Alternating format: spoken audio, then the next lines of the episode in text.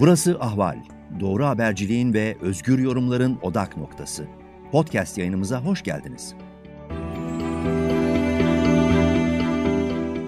Merhaba Ahval izleyicileri, sıcak takipteyiz ben Müjde Baştürk. Furkan Vakfı gönüllülerine Adana'da uygulanan polis şiddetinin yankıları devam ediyor. Furkan Vakfı'nın kurucusu Alparslan Kuytulu'la beraberiz. Hem polis müdahalesinin olduğu gün neler yaşandığını hem de bilmeyenler, tanımayanlar için Furkan Vakfı'nı konuşacağız. Neden hedefteler? Bunların detaylarına bakacağız. Merhaba Alparslan Bey, hoş geldiniz ve geçmiş olsun. Merhaba, hoş bulduk. Sağ olun. Şimdi pazar günü Adana'da tutuklu 8 üyenizle ilgili bir yürüyüş yapmak istediniz. Basın açıklaması yapmak istediniz. Ancak şiddetli bir polis müdahalesine maruz kaldınız. Neler yaşandı o gün? Neden böyle bir şiddete maruz kaldınız? O günü sizden dinleyebilir miyiz öncelikle? Evet, e, söylediğiniz gibi 8 arkadaşımızın haksız yere tutukluluğuyla ilgili bir e, kamuoyu oluşturmak maksadıyla, bu konuya dikkat çekmek maksadıyla bir yürüyüş yapmak istedik. E, ve sonrasında bir basın açıklaması e, yapacaktık. E, bu arkadaşlarımızdan bazıları 6-7 ay oldu tutuklu ve hala iddianame bile hazırlanmadı. Hiç kesinlikle başkası olsaydı o sebeplerden dolayı asla tutuklu yargılama olmazdı. Ama bunlar bizim arkadaşlarımız olunca e, tutuklu yargılamayı e, yolunu seçtiler. Ve bu şekilde bu arkadaşlarımızın e, ifadelerini değiştirmeye zorluyorlar. E, ve tüm vakfı suçlamalarını sağlamak istiyorlar. E, yalan e, söylemelerini, ve e, bu işi kendilerinin yaptığını söylemelerini e, bunun için ısrar ediyorlar. Bu yüzden de e, tutuklu olarak yargılıyorlar ve iddianameyi ha, hala hazırlamıyorlar. Biz bu konuya dikkat çekmek için böyle bir program düşündük ve valiliğin gösterdiği güzergahta resmi olarak yapmak istedik ve bu hususta yasanın da bize şey yaptığı, şart koştuğu gibi bildirim şartımızı yerine getirdik. Valiliğe Cuma günü saat bir buçuk civarında başvuru yaptık. Ancak valilikteki görevliler başvurumuzu almadılar. Ee, sonra demek ki böyle bir planları varmış. Büyük bir zulüm planlamışlar. Çünkü bunu daha evvelden birkaç gün evvelden e, açıklamıştık böyle bir şey yapacağımızı. O, o yüzden haber aldıkları için bununla bunu yani bu zulmü planlayanlar valiliğe de talimat vermişler. Oradaki evrak kayıttaki memur başvurumuzu almadı. Hukuk işlerine gidin dedi. Arkadaşlarımız oraya gittiler. Oradakiler de başvurumuzu almadı. Onlar da vali yardımcısına gidin dediler. Vali yardımcısı da emniyet müdürlüğüne gidin dedi. O ona gönderdi, o ona gönderdi. Hiçbirisi başvurumuzu almadı. Biz de bu böyle durumlarda e, notere gidilip noterden ihbar çekilmesi e, var. Onu yapmaya çalıştık. Notere gitti arkadaşlar. E, noter de ihbarı çekmek istemedi. Bunun üzerine mektup yoluyla gönderdik valiliğe o e, gerekli evrakları. E, ve pazar günü böyle bir zulüm yaptılar. Yani bu olay cuma günü oldu ve yani maksatları bildirim şartı yerine getirilmemiştir diyecekler ve saldıracaklar. Halbuki bildirim şartı yerine getirildi. Onlar kabul etmedi, almadılar ve yasaya göre valilik böyle bir durumda kesinlikle o e, dilekçeyi almak zorunda ve alındı belgesi vermek zorunda. Bu yasayla sabit. 2009-11 sayılı yasayla bu sabit. O alındı belgesini bize vermek zorundaydılar. Vermediler ve e, sanki yasa dışı bir e, yürüyüş gibi göstermek istediler. Halbuki bildirim şartı yerine gelmese bile yine e, yürüyüş ve basın açıklaması yasa dışı sayılamaz. Bu zaten sadece bir bildirimdir, izin değildir. Yani biz bildiriyoruz sadece, izin almıyoruz çünkü zaten e, bununla ilgili anayasada madde var, madde 34. Herkes önceden izin almaksızın silahsız ve saldırısız olmak şartıyla e, toplantı ve gösteri yürüyüşü yapma hakkına sahiptir. Dolayısıyla zaten herkes önceden izin almaksızın denildiği için zaten valilik izin veremez. Ya zaten izin almaya gerek yok çünkü. E, sadece bildirim yapıyoruz. Bildirim ne için yapılır? Zaten o da yine yasada açıklanıyor. Sadece güvenlik güçlerinin önlem almasını sağlamak için. Yani çevreden saldırı olmasın. e, hatta seyyar tuvalet gibi bir takım ihtiyaçların karşılanması gibi bir takım sorumlulukları var valiliğin. Bunları yerine getirmek için. Yoksa engellemek için değil. Bunu yasa özellikle belirtiyor.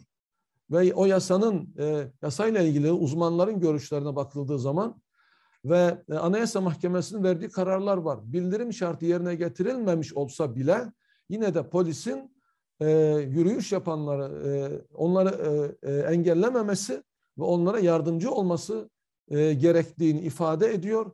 Anayasa Mahkemesi kararları var bu şekilde birkaç tane. Ben bunları açıkladım daha evvel başka programlarda. E, ve e, ayrıca e, Türkiye'nin de imza atmış olduğu insan hakları sözleşmesi orada da aynı şekilde yani bu sadece bir bildirimdir. Bildirim izin almak değildir. E, yani isterse bildirim olmasın yine yapılan şey yasaldır. E, ve polisin yapması gereken şey kolaylaştırmaktır. Ama bunlar bize uzun zamandır kin besliyorlardı. Çünkü 8 yıldır olaylar aşağı yukarı devam ediyor. Bizim konferanslarımız 8 yıldır engelleniyor. Bir sürü problem çıkartıyorlar. Basın açıklamalarımızdan dolayı bize yüzden fazla mahkeme açtılar. E, yüzlerce arkadaşımızı mahkemeye verdiler. E, yani bize boyun eğdirmek istiyorlar ve işte en e, son zamanlarda 30 Ocak 2018'de de yani dört buçuk sene kadar önce de evet. e, beni hapse attılar. Yani e, bir e, operasyon düzenlediler. Bir sürü iftiralarla hapse attılar. Sonra hepsinden beraat ettim. Ama iki sene hapis yatmış oldum bu arada. Yani bunlar gözdağı vermek için daha evvel yaptıklarının daha katmerlisini şimdi bu e, geçen cum pazar günü yaptılar. Yani boyun eğdirmek istiyorlar. Sen bize boyun eğmiyorsun, sen bize itaat etmiyorsun, sen bizi e, dinlemiyorsun diyorlar ve böyle bir e, zulüm yaparak yani sen dinlemiyorsan da senin etrafındakileri, seni sevenleri, senin talebelerin hepsini biz böyle gözünü korkuturuz, döveriz. Ee, yani sokak ortasında açıkça işkence yaptılar. Yani sadece bir e, orantısız müdahale değil. Yani yerde yatan, yerde oturan insanlara resmen coplarla vurdular, vurdular, vurdular. Binlerce kez vurdular, yüzlerce insana. 700 kadar insanımızı ettiler ve e, belki ondan çok daha fazlasına gaz sıktılar. Yani nefes alamayacak hale getirdiler. Emniyetteki neredeyse bütün gazları üzerimize boşalttılar. Bütün plastik mermileri üzerimize boşalttılar. Ee, bu kadar büyük bir zulüm ile karşılaştık. Adeta bir işkence ortamıydı. Herkese işkence yaptılar. Ee, bütün bunların sebebi biz onlara boyun eğmiyormuşuz. Evet eğmiyoruz. Onlara beyat etmiyormuşuz. Evet etmiyoruz. Ee, o yüzden bizim gözümüzü korkutmaya çalışıyorlar. Ama başaramadılar. Kendileri rezil oldular. Sonunda kimseyi de dağıtamadılar. Çok şükür eninde sonunda gece saat 10 11'e kadar sürdü bu durum. Yani gündüz saat bir buçuktan başladı.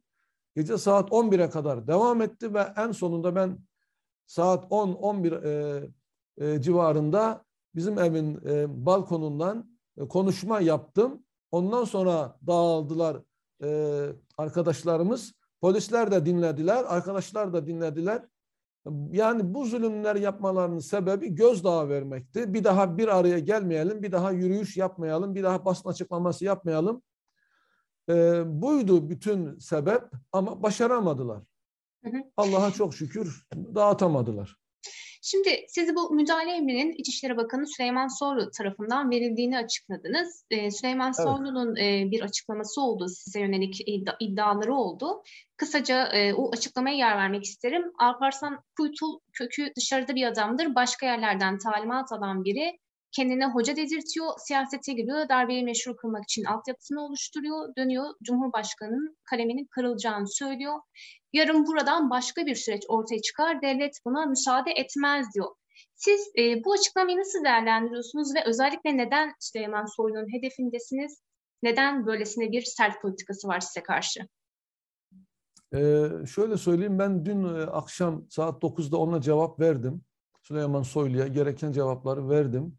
Süleyman Soylu 7-24 e, benim peşime polisleri takmış vaziyette. Ben hapisten çıktığımdan beri 6 Aralık 2019'dan itibaren 7-24 polisler tarafından takip ediliyorum. Evimin kapısında bekliyorlar.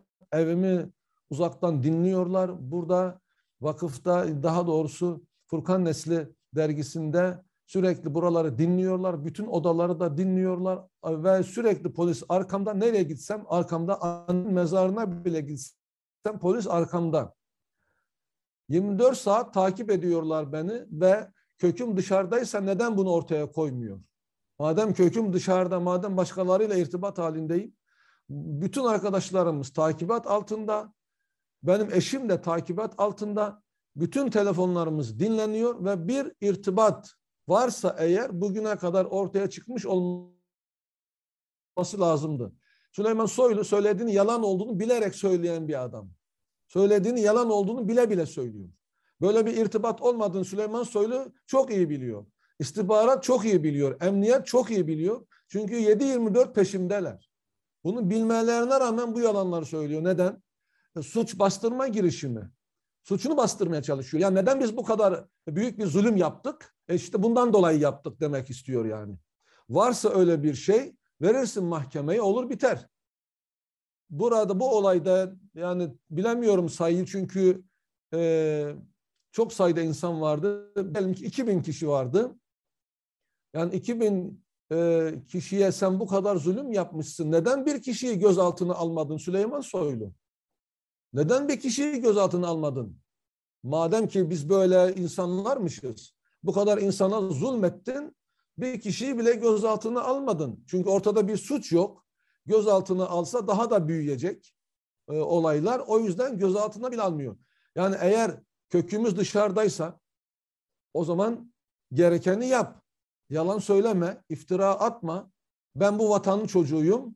Anam da belli, babam da belli. Ee, ömrüm buradan geçti ve sürekli takibat altında olan bir insanım. Böyle bir şey olsaydı zaten bugüne kadar ortaya koyarlardı, gerekeni yaparlardı. Böyle bir şey yok. O söylediği laflar da hepsi, diğer laflar da yalan. Ee, yani Cumhurbaşkanı'nın kalemi kırılmış falan filan. Bunlar ben ondan ötürü mahkeme, e, mahkemede ben onları savundum.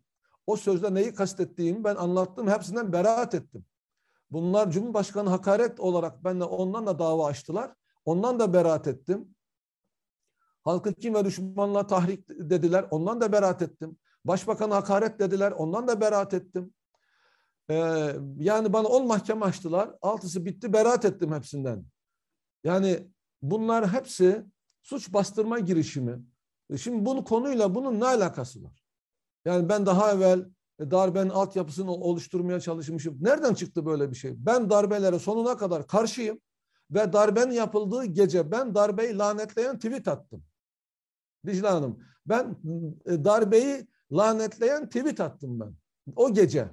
Ve ondan sonra da 3-4 gün sonra da bir mitik düzenledim darbenin aleyhinde.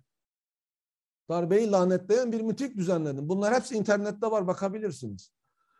Yani bunlar bilmediğinden mi sanki Süleyman Soylu? Bunlar diyorlar ki e, kim bizim zulmettiğimiz insanlara e, insanları savunursa niye zulmettiniz derse bu da onlardandır diyorlar. Böyle bir şey olabilir mi? Benim orada söylemek istediğim mesela FETÖ diyerek 650 bin kişiye yakın insan hakkında işlem yaptılar.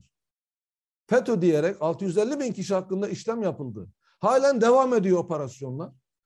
Ve bunlardan 50-60 bin kişi kadar hapse girdi.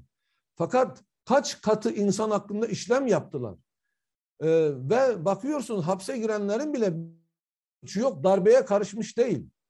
Darbeye karışmış değil. Darbeye karışan tabii ki suçludur. 250 kişi ölmüş. Tabii ki kimler varsa bunun arkasında hepsi suçludurlar. Ama benim söylediğim şey suçu günahı olmadığı halde birçok insan hakkında işlem yapıldı, mahkemelerde süründürüldü, hapishanelerde süründürüldü. 152 bin kişi KHK ile işten atıldı, aç bırakıldı. Bunlar bunları konuşmamı istemiyorlar. Ve bunu söylediğiniz zaman FETÖ'cü olmuş oluyorsunuz. Böyle yaparak herkesi susturmak istiyorlar. Yani kim konuşursa FETÖ'cü deriz e, PKK'cı deriz, şunu deriz, bunu deriz, konuşmayın. Yani biz ne yaparsak yapalım siz susun. Bunların yapmaya çalıştığı şey bu. E, o yüzden böyle laflar söylüyorlar. Yani darbenin altyapısını oluşturmuş falan. Darbe olduktan sonra ben bunları konuştum. O şimdi FETÖ dedikleri, eskiden Fethullah Gülen Hoca Efendi dedikleri o grupla ilgili, o camia ile ilgili benim daha evvel ta 98'den ta o darbeye kadar benim yaptığım birçok tenkitler var, eleştiriler var. Ben onları yıllarca eleştirmiş birisiyim. Dolayısıyla bana bu lafı söylemeler mümkün değil. Ve ben onlardan ötürü de beraat ettim. Onlar o konuşmalarımı da mahkemeye verdiler. Hepsinden beraat ettim ben. Utanmadan insan bunu nasıl söyleyebilir yani? Ben onlardan senin mahkemelerinde beraat etmişim. Yani hakimler, savcılar bu kadar baskı altındayken ben bu mahkemelerden bile beraat etmişim. Çünkü o kadar açık ki ben bu söylenen örgütleri o kadar zamanında eleştirmişim ki ben beni böyle bir şey itham etmeleri mümkün değil. Eski konuşmalarım var. İnternette duruyor. Hakimlere bunları anlattım. Hepsinin videolarını mahkemeye sunduk. Ve o konuşmalarda, onların iddia ettiği konuşmalarda neyi kastettiğimi hepsini ortaya sundum. Ve o konuşmaların başı var, sonu var. Bunlar kırpıyorlar benim konuşmalarımı. Ve manayı bozuyorlar.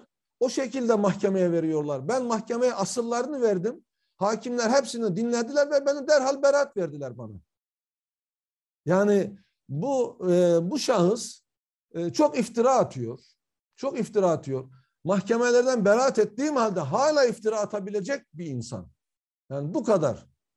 Ben kesinlikle darbeleri desteklemem. Ne 12 Eylül darbesini desteklemişimdir. Onu da lanetlemişimdir. 97-28 Şubat'ını da lanetlemişimdir. 15 Temmuz'u da lanetliyorum. Bütün darbeleri lanetliyorum. Çünkü halkın seçmiş olduğu insanlara darbe yapmak suçtur. Halkın verdiği yetkiyi gasp etmeye çalışmak, tankla, silahla, halkın verdiği yetkiyi zorla almak kabul edilemez. Darbe elbette ki lanetlenmesi gereken bir şeydir. Yalan söylüyor. Yani çünkü büyük bir suç işlediler. Yani binlerce insanı darp ettiler. Ve bu kadar görüntüler olunca tüm dünya, tüm Türkiye ayağa kalktı. Başka devletlerde bile bu görüntüler yayınlandı ve rezil oldular. O yüzden şimdi böyle şeyler söylüyor. Yani biz bundan dolayı bunu yaptık. Ya bu dediklerin doğru bile olsa, hepsi yalan, iftira ama doğru bile olsaydı bunu yapman doğru muydu? Yani diyelim ki ben bir yanlış iş yapmış olsam bile sen benim yüzümden binlerce insan darp ettirmen, resmen işkence yaptırdın. Yere düşmüş insanlara coplarla her biri bir taraftan vuruyor. Hepsi bir taraftan. Yani onu izleyen bir insan İsrail polisi Filistin'de Filistinlilere bunu yapıyor zanneder. Yani, yani böyle bir şey olabilir mi? O söyledikleri yalan ama doğru olsaydı bile bundan dolayı bu kadar insanın darp edilmesi kabul edilebilir mi? E, Dicle Hanım bir insanın eline koluna vurursunuz öldürme kastı yoktur bu vurmada. Ancak başına vurursanız hem bir tane değil defalarca bütün gücünüzle kafasına vurursanız bu öldürmeye tam teşebbüstür. Bunu yaptılar bize. Şimdi utanmadan bunları savunmaya çalışıyor yani. Şimdi e, evet. Adana'da maruz kaldığınız polis şiddetine e, AKP içerisinden bile tepki geldi. Ancak MHP bu şiddetin yanında yer aldı. Hatta MHP lideri Devlet Bahçeli alkışladı polisleri. Şöyle bir açıklaması oldu. Türk polisinin e, görevinin gereğini yapmıştır. Şayet bugün tedbir almazsak gelecekte yeni 15 Temmuz'ların yaşanması kaçınılmazdır dedi. Ne dersiniz? Devlet Bahçeli neden böyle bir açıklamayı yaptı size karşı? MHP'nin bu anlamda baktığınıza karşı duruşu neden bu şekilde? Yani Devlet Bahçeli kendisini bitirdi. Aslında yapmış olduğu bu açıklamayla tüm dünyanın lanetlediği görüntüleri alkışladı. O polisleri yüzüne tükürülmesi gereken insanları alınlarından öptü. Kendisini bitirdi. Zaten oyları azalmıştı. Aşağı yukarı yüzde dört beş civarında oy kaybı var. Bunun manası iki milyon, iki buçuk milyon insan demek. Devlet Bahçeli bu gibi davranışlarından ötürü zaten çok oy kaybetmişti. Şimdi bunu da söyledi. Daha da fazla oy kaybedeceğinden eminim. Çünkü MHP'nin içinden de birçok insanlar şu yapılan zulümleri lanetlemiştir. Bu her vicdan sahibi insanın lanetleyebileceği lanetlemesi gereken bir görüntüydü. Devlet Bahçeli'nin bu konuşmasından anlaşılan şudur. Demek ki bu işlerin arkasında o var. Yani aslında hükümetten çok MHP'nin olduğu anlaşılıyor ve zaten polisin de MHP'ye bağlı olduğunu birçok insan söylüyor. E, pazartesi günü Habertürk'te bir program vardı. Orada avukat Serkan Bey e, şöyle bir cümle kullandı. O da herhalde MHP'li aslen. Şöyle bir cümle kullandı. Polis e, hükümete bağlı değildir. Polis devlete bağlıdır dedi. Devlet kim? Yani bizim bildiğimiz polis İçişleri Bakanı'na bağlı. İçişleri Bakanı da hükümet. Hükümetin de başı Cumhurbaşkanı. Ama demek ki bunların gözünde durum farklı. Ya da gerçek bu değil. Demek ki gerçek onun söylediği gibi yani aslında polis hükümete bağlı değil, başka bir yere bağlı. Kendilerine devlet diyenler var. Polis onlara bağlı. Ve işte onları savunan kim? Devlet Bahçeli. Demek ki polis Devlet Bahçeli'ye bağlı. Zaten o zulmü yapan polislerin birçoğunun da MHP'li olduğu bıyık, bıyıklarından belliydi. O kırmızı montlu e, zulmeden o kişi e, güvenlik şube müdürü Ali Abdullah. Bıyıklarını bir görseniz tamamen MHP bıyığı. Hı hı. Talimatı nereden aldıkları açıkça belli. Devlet Bahçeli herkes tepki gösterince polisler belki daha hani bir daha böyle bir şey yapmazlar. Devlet Bahçeli'nin emrini tutmazlar diye herhalde korktu. Hemen devreye girdi ve polisleri destekledi. Yani polisler bundan sonra da böylesi zulümler yapmaya devam edebilsinler diye sanıyorum. Hemen destekledi. Yani yapılan şey desteklenmesi gereken bir şey değildi. Nefret edilmesi gereken, lanetlenmesi gereken bir şeydi. Ve hiçbir şekilde ayrım yapmadan yani e, görevini güzel yapanları e, tebrik ediyorum. E, görevini kötüye kullananları lanetliyorum gibi bir ayrım da yapmadan hepsini birden alınlarından öptü. O polislerin insanların başlarına nasıl vurduğunu dünya alem gördü. Bunların mı alnından öpüyorsun Devlet Bahçeli? Ve o polislerin içerisinden bir tanesi, hepsini kastetmiyorum, hepsi zulmettiler, hepsi copladılar, hepsi gaz sıktılar. Ancak işleri tanesi bir bayanı taciz etti. O eylem esnasında. Bunların mı alnından öpüyorsun Devlet Bahçeli?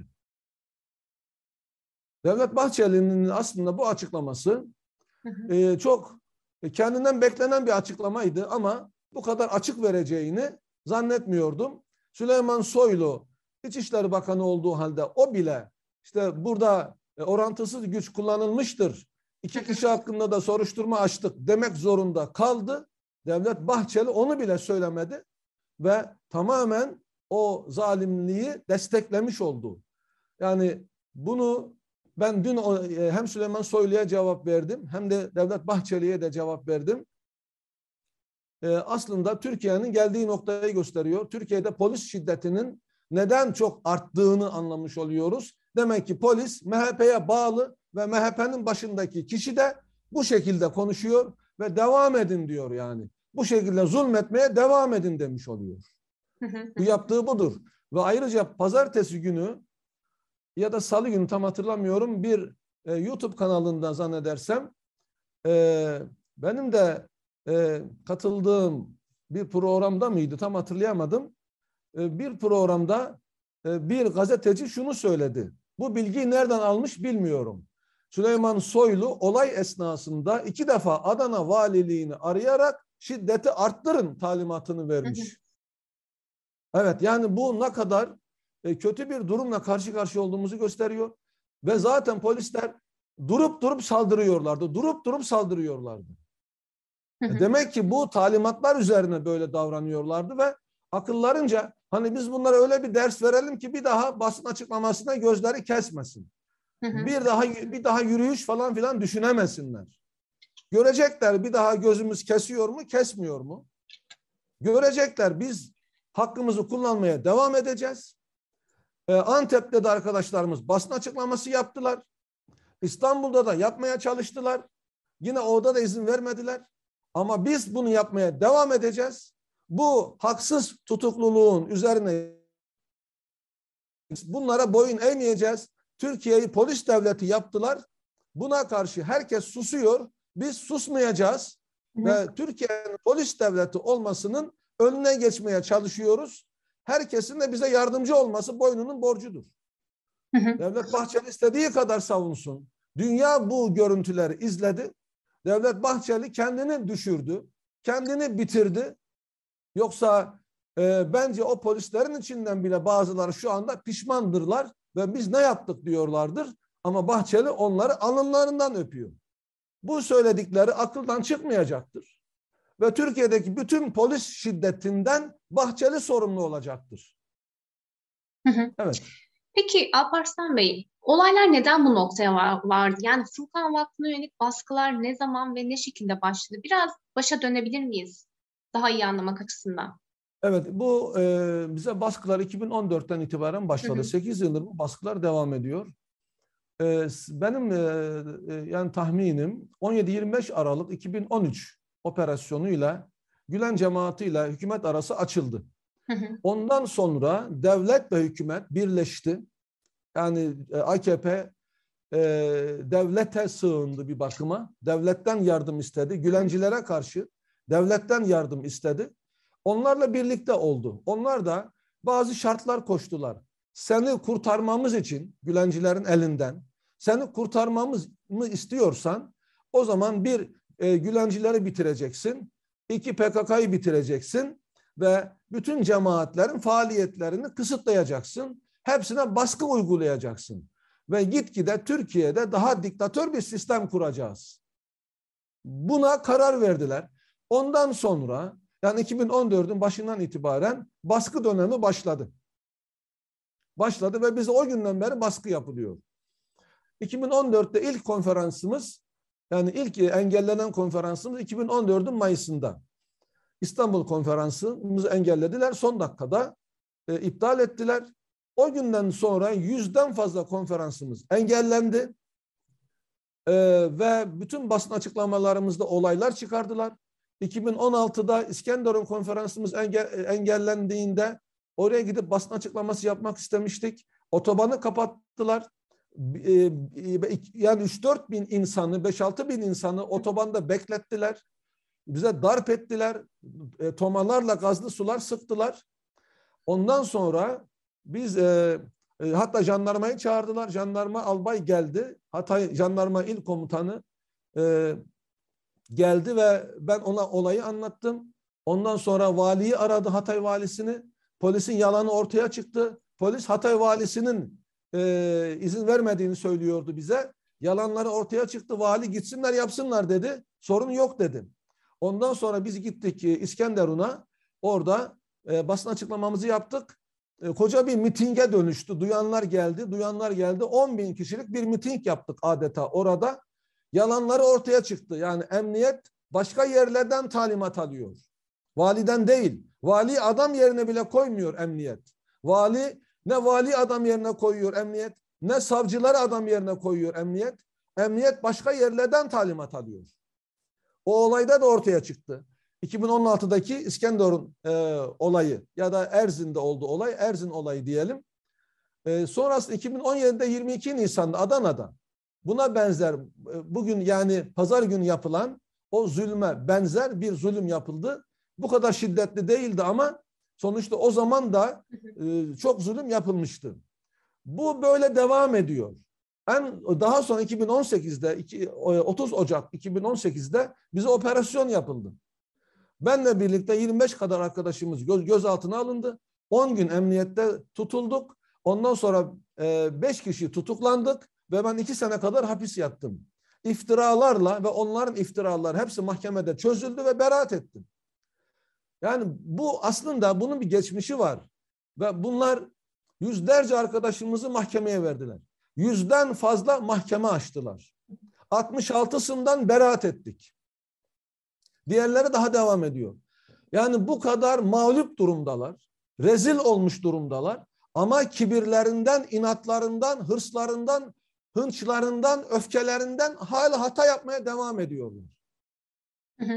Yani sürekli boyun eğdirmeyi düşünüyorlar. Ve bu böyle devam etti. İşte iki sene hapisten e, iki sene hapis yattıktan sonra e, çıktığımda o günden beri normalde biraz sakindi. Basın açıklamalarımıza falan karışmıyorlardı. Sonra işte bu e, tutuklama olayı oldu 6-7 ay kadar önce. Biz bununla ilgili yani yine polis zulmetti. İki arkadaşımıza emniyette işkence yaptılar. Biz gittik emniyetin önünde, üç gün emniyetin önünde yattık kalktık yollarda. Yani polisin yaptığını ortaya koymamızı istemiyorlar. Yaptıkları işkenceleri ortaya koymamızı istemiyorlar. Yap, siyasetlerini eleştirmemizi istemiyorlar. Ve yüzlerce arkadaşımıza mahkeme açıldı. E, yüzlerce arkadaşımız polis tarafından tehdit edildi.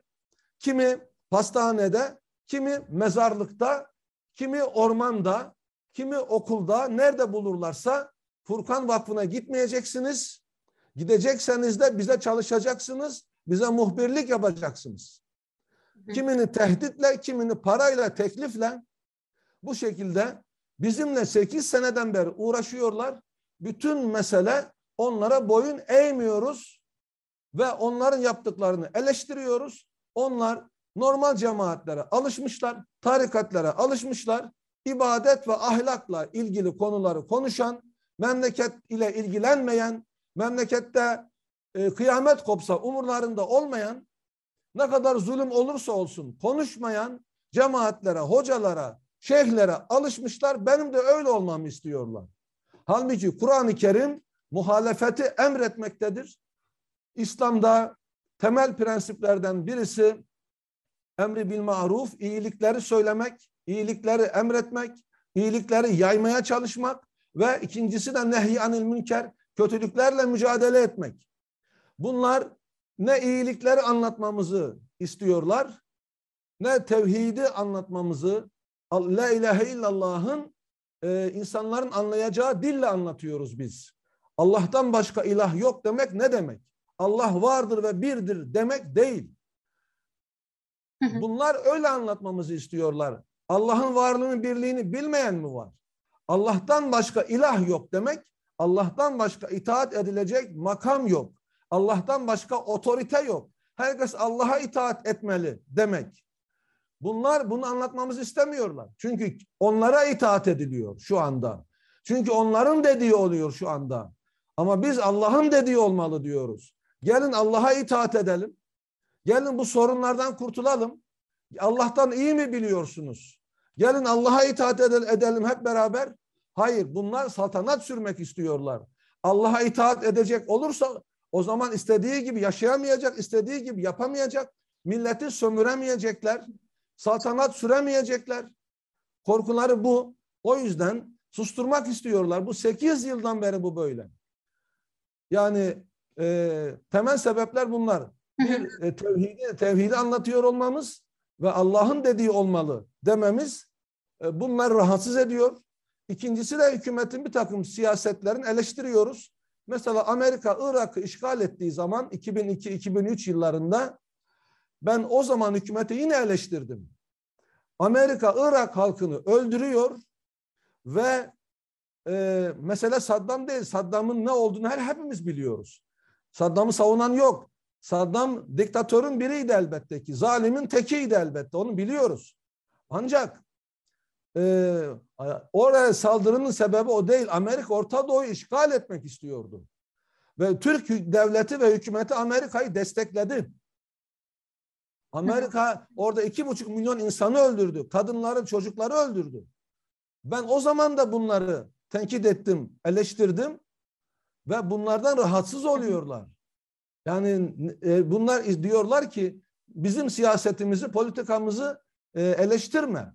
Ne Irak politikalarını, ne Suriye politikalarını, ne de Türkiye'deki politikalarını eleştirmemi istemiyorlar. Benden bir cami imamı gibi namaz kıldıran bir hoca olmamı istiyorlar. İbadet ve ahlakı anlatan bir hoca olmamı istiyorlar. İslam e, dünyayı idare etmek için gelmiştir. İslam adalettir. Adaleti tesis etmek için gelmiştir. Dolayısıyla e, hiç kimse bir e, İslami hareketten susmasını bekleyemez. İslam gündemin dışında kalmaz. İslam gündeme yön vermek ister. bunca zulüm var. Bu mazlum insanların yanında yer almak zorundayız. Ama onlar benim mazlumları savunmamdan rahatsız oluyorlar. Çünkü zulmü yapanlar kendileri. Kendilerini eleştirmemden rahatsız oluyorlar. İşte bütün mesele bu. Peki son olarak e, Furkan Vakfı'nı tanımayan ve bilmeyenler için kendinizi nasıl tanımlıyorsunuz? Bunu da e, yanıtlayıp isterseniz e, kapatalım.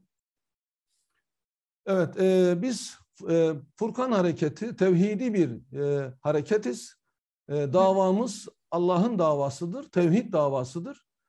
E, Allah'tan başka ilahın olmadığını, bütün kainatta Allah'ın dediği olduğu gibi yeryüzünde de Allah'ın dediğinin olması gerektiğini, insanların Allah'a itaat etmesi gerektiğini söylüyoruz ve e, medeniyetin esaslarının Allah'tan alınması gerektiğini, insani ve ahlaki değerlerin ne olma ne oldu ne olması gerektiğini, Allah'ın karar vereceğini, yani hepimizin Allah'a itaat etmemiz gerektiğini, eğer böyle olursak güçlü bir devlet olacağız. Geçmişte olduğu gibi dünya devleti olmanın yolu budur. Çünkü Allah'ın koyduğu esaslarda hata olmaz ve güzel bir insan modeli meydana getirir Kur'an-ı Kerim. Güzel bir aile, güzel bir toplum, güzel bir devlet, güzel bir medeniyet meydana getirir. Tarihimizde de bunun örnekleri var. Bunu savunuyoruz. Biz Furkan Hareketi olarak medeniyetimize dönelim diyoruz. Kendi medeniyetimize dönelim. Ve e, e, bir İslami hareket toplumundaki e, zulümlere karşı gelmelidir. Biz böyle bir e, hareketiz. Zulme karşı gelmek zorundayız. Bu bizim vazifemiz. Yoksa insanlar İslam'dan soğurlar. Biz eğer hükümetin yanlışlarını e, eleştirmeyecek olursak o zaman mazlum insanlar İslam'dan soğurlar. E, İslam'dan soğuyacaklarına biz eleştirelim, gerekirse hükümetten soğusunlar. Hı hı. Yani bizim prensiplerimiz bunlar ve son olarak bir şey söylemek istiyorum. Ee, bu son sorunuzun dışında. Ee, evet biz bu kadar job yedik, bu kadar gaz yedik. Ee, gerçekten çok büyük bir olaydı. Ee, içinde olanlar daha iyi bilirler. Hakikaten canavar gibi saldırdılar. Gözleri dönmüş gibiydi. Ama eğer bunun sonucunda e, Süleyman Soylu gibi birisi günde 100 kişiyi tutuklatmadığı zaman bin kişiyi gözaltına aldırmadığı zaman rahat uyuyamayan Süleyman Soylu gibi birisi görevden alınırsa bizim başımıza gelenlerin önemi yok. Ee, AKP ile MHP'nin birlikteliğine, birlikteliği biterse, bu ittifak çatlarsa bizim başımıza gelenin önemi yok. Eğer Türkiye polis devleti olmaktan çıkarsa, polisler haddini bilmeye başlarsa, kanunlara göre davranmaya başlarsa Bizim başımıza gelenlerin önemi yok. Bunların acısı geçer, lezzeti kalır geride. Bizim o yediğimiz coplar, o yediğimiz gazlar üç gün sonra ağrısı geçer. Ancak bu görüntüler akıllardan çıkmaz ve tüm insanlarımız e, Türkiye'nin polis devleti olmasını istemeyen insanlar mutlaka bu konuda kendilerine düşeni yerine getirmeliler. Bu görüntüleri yaymalılar. Bunları konuşmalılar. Polis devlet istemiyoruz demeliler. Süleyman Soylu'yu istifaya davet etmeliler. O zaman e, gerçekten e, bu büyük olay bir işe yaramış olur. Allah da şahittir ben böyle bir şey beklemiyordum. Böyle bir şey e, aklımızın ucundan bile geçmedi. Biz sadece yürüyüş yapacaktık, basın açıklaması yapacaktık. Bir saate bitip gidecekti. Olay 10 saat sürdü. Bunların yüzünden. 10 saat sürdü ve bu kadar insan darp edildi ve Türkiye çok kötü bir ülke gibi göründü. Tüm dünya bu, bu görüntüleri izledi ve Türkiye'de demokrasi olduğuna kimse inanmaz. Tamamen Çin gibi, Rusya gibi, Doğu Türkistan'da yapılan zulümler gibi, İsrail'de yapılan zulümler gibi bir zulüm. Böyle bir ülke e, görüntüsü verilmiş oldu. Bu ülkemize de yazık etmektir. Ee, yani bunların duyurulmasında bu düzenin değişmesi açısından, bu devranın bitmesi açısından e, çok e, önemli görüyorum. Tüm izleyicilerimizin bu hususta kendisine düşen görev yapmasını rica ediyorum. Yoksa sadece e, bağırmakla, çağırmakla ya da ne bileyim beddua etmekle bu düzen değişmez. Bu devran değişmez. Her gün daha kötüye gidiyoruz. Polis istediğini öldürüyor ve mahkemelik bile olmuyor.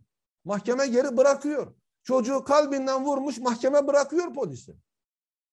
Doktorlara darp ediyor. 89 yaşındaki bir profesörü yere düşürüyor. Hiç polise bir şey olmuyor. Polis ne yaparsa bir şey olmuyor. Yani polis bir insanın anasına küfür etse bir şey olmuyor. Darp etse bir şey olmuyor. Elinizde video olsa, şahitler olsa, adli tıp raporunuz olsa hiçbir şey yapamıyorsunuz. Böyle bir ülke olduk. Yani polis istediğini yapıyor. Devlet Bahçeli'nin sayesinde, Süleyman Soylu'nun sayesinde polis istediği gibi davranıyor. Onlara sırtını dayamış, istediği kadar vurabiliyor. O yüzden tüm seyircilerimizden benim ricam budur. Yani bu konuyu gündeme getirsinler, bu konuyu unutturmasınlar. Gerçekten bu bir dönüm noktası olsun. Polis şiddetinin artık bitmesini istiyorsak bu, bu olayı vesile kılalım. Bu olayı herkese duyuralım ve belki biraz durum değişir ve belki hükümet Süleyman Soylu'yu görevden alır. Belki bu zulmü yapan emniyet müdürleri görevden alınırsa başka emniyet müdürleri de belki bunu yapamazlar. Yoksa bu böyle devam eder. Evet çok teşekkür evet. ediyorum. Ben çok teşekkür ediyorum katıldığınız için. Estağfurullah. Sağ olun. Görüşmek üzere. Görüşmek üzere.